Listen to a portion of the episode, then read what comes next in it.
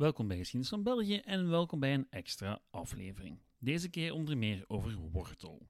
Niet de groente, wel de weldadigheidskolonie. Weldadig wat? Wel, in de 18e eeuw had men het zich in het hoofd gehaald dat er een eenvoudige oplossing moest zijn voor landlopers, bedelaars en andere mensen die in de armoede waren terechtgekomen. De oplossing: verhuizen naar de middle of nowhere en heropvoeden. En ze natuurlijk tussendoor laten werken. Van die aanpak zijn tal van voorbeelden. Australië is zo'n voorbeeld, maar in de lage landen en in België zijn er ook. In België zelfs twee plaatsen. Echt erkend erfgoed. De weldadigheidskolonie in, jawel, Wortel en de strafkolonie in Merksplas. Wat de logica erachter was, waarom die in Wortel en Merksplas staan en wat er uiteindelijk mee gebeurd is, daar zoomen we vandaag op in. Gevolg: een aflevering vol rasphuizen, bedelaars, gevangenissen en landschappen die werelderfgoed werden. En gevangenissen. Dat en meer in deze aflevering van Geschiedenis van België.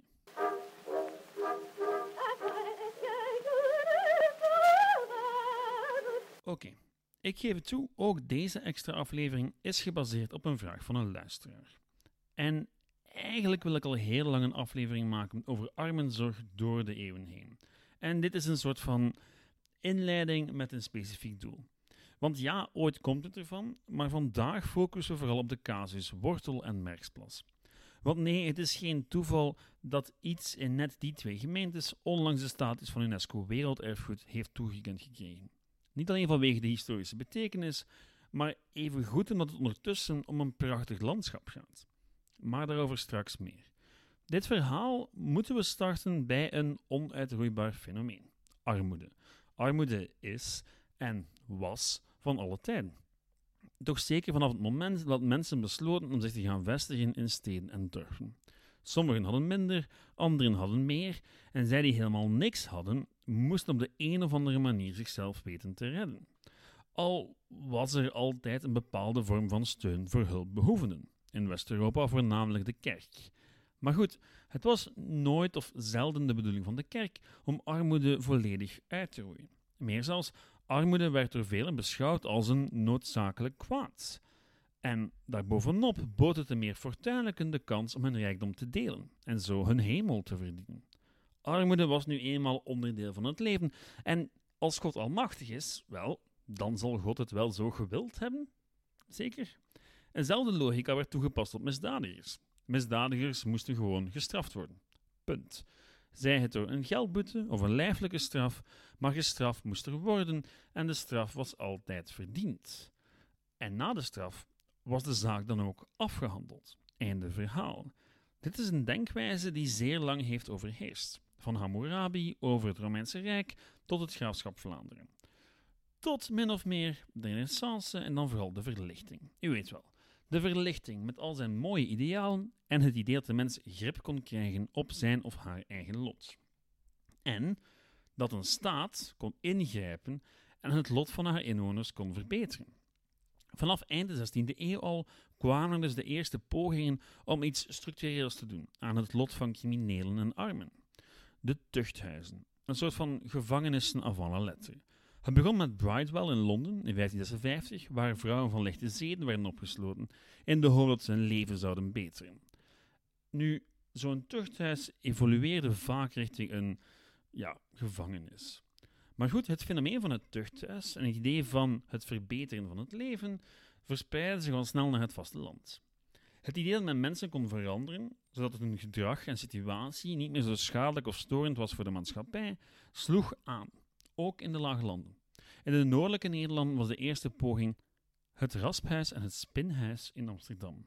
In de zuidelijke Nederland was het het Rasphuis in Gent in 1773.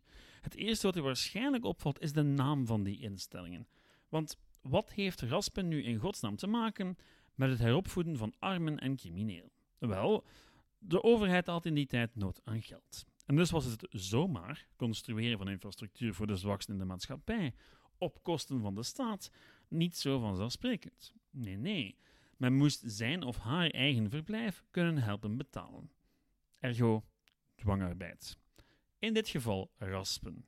Wat werd er dan geraspt? Geen wortels, maar hout. Eikenhout en tropisch hout dat gerast moest worden voor de verfindustrie. Al kwam met de industriële revolutie hier en daar ook wel een creatieve industrieel op de proppen, die zoals Lieven Bouwens in Gent de gevangenen van het lokale tuchthuis wist in te schakelen in zijn productieproces. Lieven Bouwens zette de Gentse gevangenen aan het weven en nam het praktische beleid van het Gentse rasphuis zowat over. Niet bijster aangenaam voor de gevangenen, want Lieven werkte volgens het principe geen werk, geen voedsel. Maar men moest wel blijven zitten natuurlijk. Dit is een boeiend lessen sociale geschiedenis, maar wat heeft dat nu eigenlijk te maken met wortel en merksplas?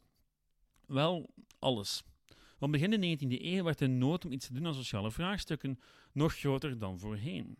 De Napoleonistische oorlogen hadden een heleboel schade toegebracht en tel daarbovenop de industriële revolutie, die een heleboel mensen zonder werk of zonder land stelde, ja, dan krijg je in heel West-Europa een hoop mensen die niet meer konden rondkomen.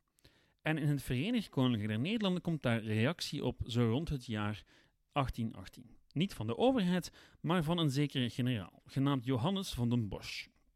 Dat heerschap richtte toen volgende brief aan koning Willem I. Een aanzienlijk getal onderdaan van uw majesteit hebben zich verenigd om een maatschappij van weldadigheid op te richten onder de bescherming van zijn koninklijke hoogheid prins Frederik, met oogmerk om aan de talrijke klassen van behoeftige ingezetenen arbeid te verschaffen en zulks in de eerste plaats door middelen van fabriekmatige inrichtingen te vervaardigen voor zodanige goederen die geheel of grotendeels van buitenlands worden ingevoerd, het debiet daarvan te verzekeren door een vrijwillige overeenkomst der leden van de maatschappij, om jaarlijks in een zekere hoeveelheid stoffen op deze wijze vervaardigd tegen gezette prijzen te ontvangen. Ten tweede, door het ontginnen en vruchtbaar maken van nog ongecultiveerde gronden in ons vaderland en daarop bij wijze van kolonisatie over te brengen zodanige armen die voor deze arbeid geschikt geoordeeld worden. Oké, het eerste deel van de brief is weinig verwonderlijk. Dat sluit aan op waar ik het eerder al over had, over de rasphuizen.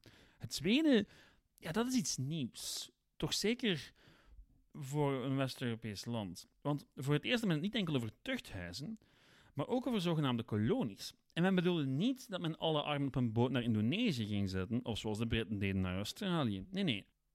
Op het platteland werden grote stukken grond aangekocht door de maatschappij van weldadigheid en daar zouden arme gezinnen worden ondergebracht om er een nieuw leven te beginnen. Met andere woorden, kolonisatie van het eigen platteland.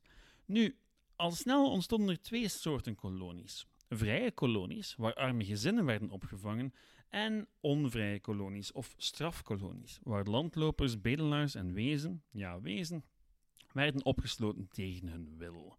Nu, dat is niet zo vreemd aan zich, want nu nog maken wij het vaak het onderscheid tussen twee soorten armen.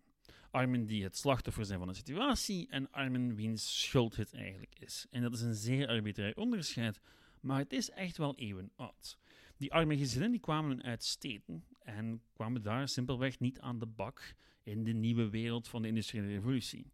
Het idee was dat door hen te verplaatsen en grond te geven, dat ze zichzelf zouden omscholen tot nuttige boeren. Nu, de tweede categorie, ja, dat waren vaak landlopers. En landlopers werden door de overheid steeds meer gezien als een last, als ja, een gevaar, als criminelen, ook al hadden ze niet per se iets misdaan. Nu, die houding zorgde ervoor dat je dus die twee soorten kolonies kreeg. Nu, concreet kunnen we gaan kijken naar twee voorbeelden binnen de eigen landschap. Want ja, ook in de zuidelijke Nederlanden, het latere België, werden er kolonies neergeplant. Met name in Wortel en Merksplas. Niet toevallig twee gemeentes vlakbij de Nederlandse grens. En laat ons beginnen met het verhaal van Wortel. Tegenwoordig deelgemeente van Hoogstraten en ook die gemeente speelt een rol in dit verhaal. Tijdens de Franse bezetting werd het kasteel van Hoogstraten ingericht als gesticht voor bedelaars. Die werden opgevangen in barakken binnen de kasteelmuren, maar daarbovenop ook gebruikt om de gronden rond het kasteel te bewerken. Dwangarbeid dus.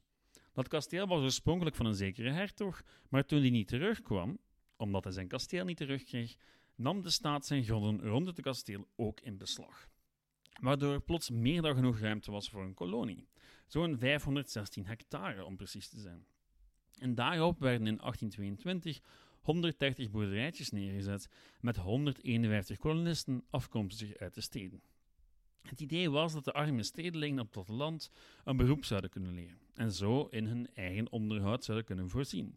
In werkelijkheid, ja, liep het natuurlijk niet zo vlot. Het is niet genoeg om een stedeling uit de stad te halen en hem, op een akker te zetten, een riek te geven en te zeggen: Nu ben je een boer. Het zou bij mij ook niet werken, denk ik. Nu, die stedelingen bleken dus weinig gemotiveerd te zijn, de grond niet al te vruchtbaar, en toen de Belgische Revolutie uitbrak, was het dan ook gedaan met de kolonie in Wortel. Wel, vooral met het mooie Nederlandse concept dan. De Belgische staat zou zich in 1880 herinneren dat ze de terrein in Wortel nog in bezit had. En dat kwam haar zeer goed uit, want in 1866 had ze een wet gestemd. De wet op de landloperij. Namelijk, mensen die zomaar rondzwerven zonder bezit, van stad tot stad of waar ze iets konden vinden, werden landlopers genoemd, niet alleen meer door de mensen rond hem, maar ook wettelijk, en konden opgesloten worden in de zogenaamde landloperskolonie. En die functie zou de site in Wortel, met hier en daar een pauze, behouden tot 1993. Jawel, pas in 1993 werd de Belgische wet op landloperij afgeschaft. Een stuk van de kolonie zou uiteindelijk een gevangenis worden, de kolonie van Wortel verloor dus zijn oorspronkelijke functie, maar het landschap herinnert nog steeds aan het idee dat het de bedoeling was dat men er aan landbouw zou doen. Zeer rationeel aangelegd. Helemaal niet organisch gegroeid, zoals veel landbouwgronden, maar van in het begin in mooie, rechthoekige stukjes met beken tussendoor. Het zorgt voor een heel mooi natuurlandschap. Goed, ik moet het ook nog hebben over Merksplas. Het verhaal van Merksplas is gelijkaardig aan dat van Wortel, zij het met één groot verschil. Het was nooit bedoeld voor de utopische versie van het kolonieproject zoals Wortel. Merksplas was van bij de oprichting bedoeld als landloperskolonie, maar raakte in onbruik na de Belgische onafhankelijkheid. Om achteraf, net als Wortel, toch weer in gebruik genomen te worden toen men besloot om de landloperij aan te pakken. Na de afschaffing van de wet op de landloperij werd een deel van het complex een gevangenis en een andere deel een gesloten centrum voor asielzoekers. Goed, dat is allemaal zeer boeiend, maar bij mij rijst de vraag naar dit alles: waarom is dat nu eigenlijk internationaal erfgoed? Zijn die gebouwen nu zo indrukwekkend dat ze zich kunnen meten met de Chinese muur of de Eiffeltoren? Wel, nee, helemaal niet, maar daar gaat het eigenlijk ook niet om. Waar het wel om gaat, is dat de kolonies, door de manier waarop ze gebouwd zijn, simpelweg een unicum zijn, qua landschap. Maar ook zijn ze een soort van levende metafoor voor hoe onze voorouders met armoede en criminaliteit omgingen. Verlichte ideeën zoals die van toen, zoals de weldadigheidskolonie, lijken nu compleet achterhaald.